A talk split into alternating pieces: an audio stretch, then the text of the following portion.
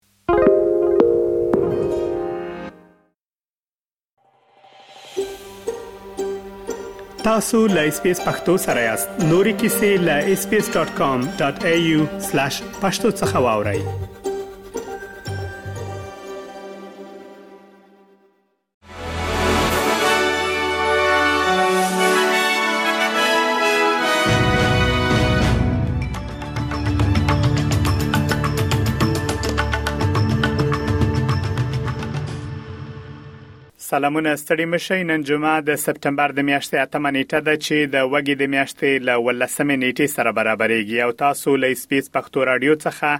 د نن ورځې لاند خبرونه اورئ د استرالیا لمړی وزیر انتونی البنیزی چې اوس مهال فلیپین هیواد ته په سفر تللی وایي استرالیا د چین سویلی سیند په سمندري شخړه کې د فلیپین هیواد ملاتړ کوي دا لمړی ځل دی چې په تیرو شلو کلونو کې د استرالیا یو لمړی وزیر فلیپین هیواد ته سفر تر سره کوي دواړه د دواړو هیوادونو مشرانو په مانیلا کې د ستراتیژیکې ملګرتیا یو تړون لاسلیک کړی دی د لیبرال ګوند سناتورې ماریس پاین اعلان کړی چې هغه به له فدرالي سیاست څخه تقاعد شي. سناتورې پاین څرګنده کړې چې هغه به د سپټمبر په پای کې پارلمان پریږدي. نوموړې د استرالیا په تاریخ کې تر ټولو اوږدمهاله ښځینه سناتوره ده. د مشرانو جرګې د اپوزیسیون مشر سایمن برمنګم د اغلې پاین له خدمتونو څخه مننه کړې ده. اغلې پاین د 2018 او 22 کلونو ترمنځ د استرالیا د بهرنیو چارو وزیر په توګه هم دنده ترسره کړې. د استرالیا سرپرست صدر اعظم ریچارډ مالز وایي د استرالیا هیواد به له چین سره د سوداګریزو اړیکو په اړه خبرو اترو ته دوام ورکړي دا په داسې حال کې ده چې لومړي وزیر انټونی البنیزي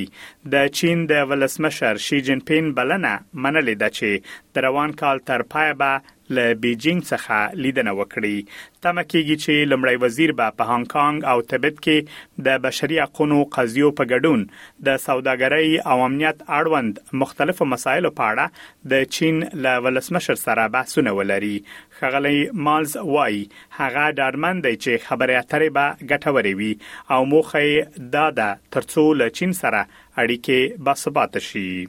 په استرالیا کې د کامنولت لوبو مشر وایي دغه سازمان لا هم د 2026 کال لوبو د کوربتوب لپاره د نورو ایالتونو او سیمو سره خبرې کوي ورسته له هغه چې وکټوريا د یادو لوبو کوربتوب رد کړ د استرالیا د کامنولت لوبو اجرایوي رئیس ګریګ فیلپس دغه خبرې د سنا د تحقیقاتي ډلې له ناستې مخکې کړې دي. تېره میاشت د وکټوریا ایالت مشر ډینیل انډریوز وویل چې یاد ایالت به د کامنویلت لوبو د لغوه کولو لپاره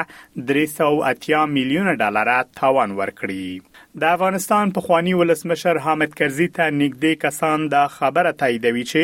طالبان اجازه نه ورکوي ترڅو هغه له هېواد څخه بهر سفر وکړي. د طلوع نیوز په یوه خبر کې راغلي چې د انګلستان له سفر وروسته طالبانو تر اوسه اجازه نه ده ورکړې ترڅو ښاغلی کرزی له هیواد څخه بهر سفر وکړي. ځینې راپورونه ښیي چې د سفر د بندیز ترڅنګ نوموړي ته اجازه نه ده ورکړل شوې ترڅو له ایران څخه له راغلي یوه هیئت سره وګوري. د جمهوریت له سقوط وروسته د افغانستان د پخواني حکومت یو زیات شمېر مشرانو هیواد پرېښود مګر حامد کرزی او عبدالله عبدالله په کابل کې پاتې شول. دا وه د نن ورځې لنډ خبرونه چې ما مجیب منیب تاسو ته وړاندې کړل تر بیا مو الله مل شه.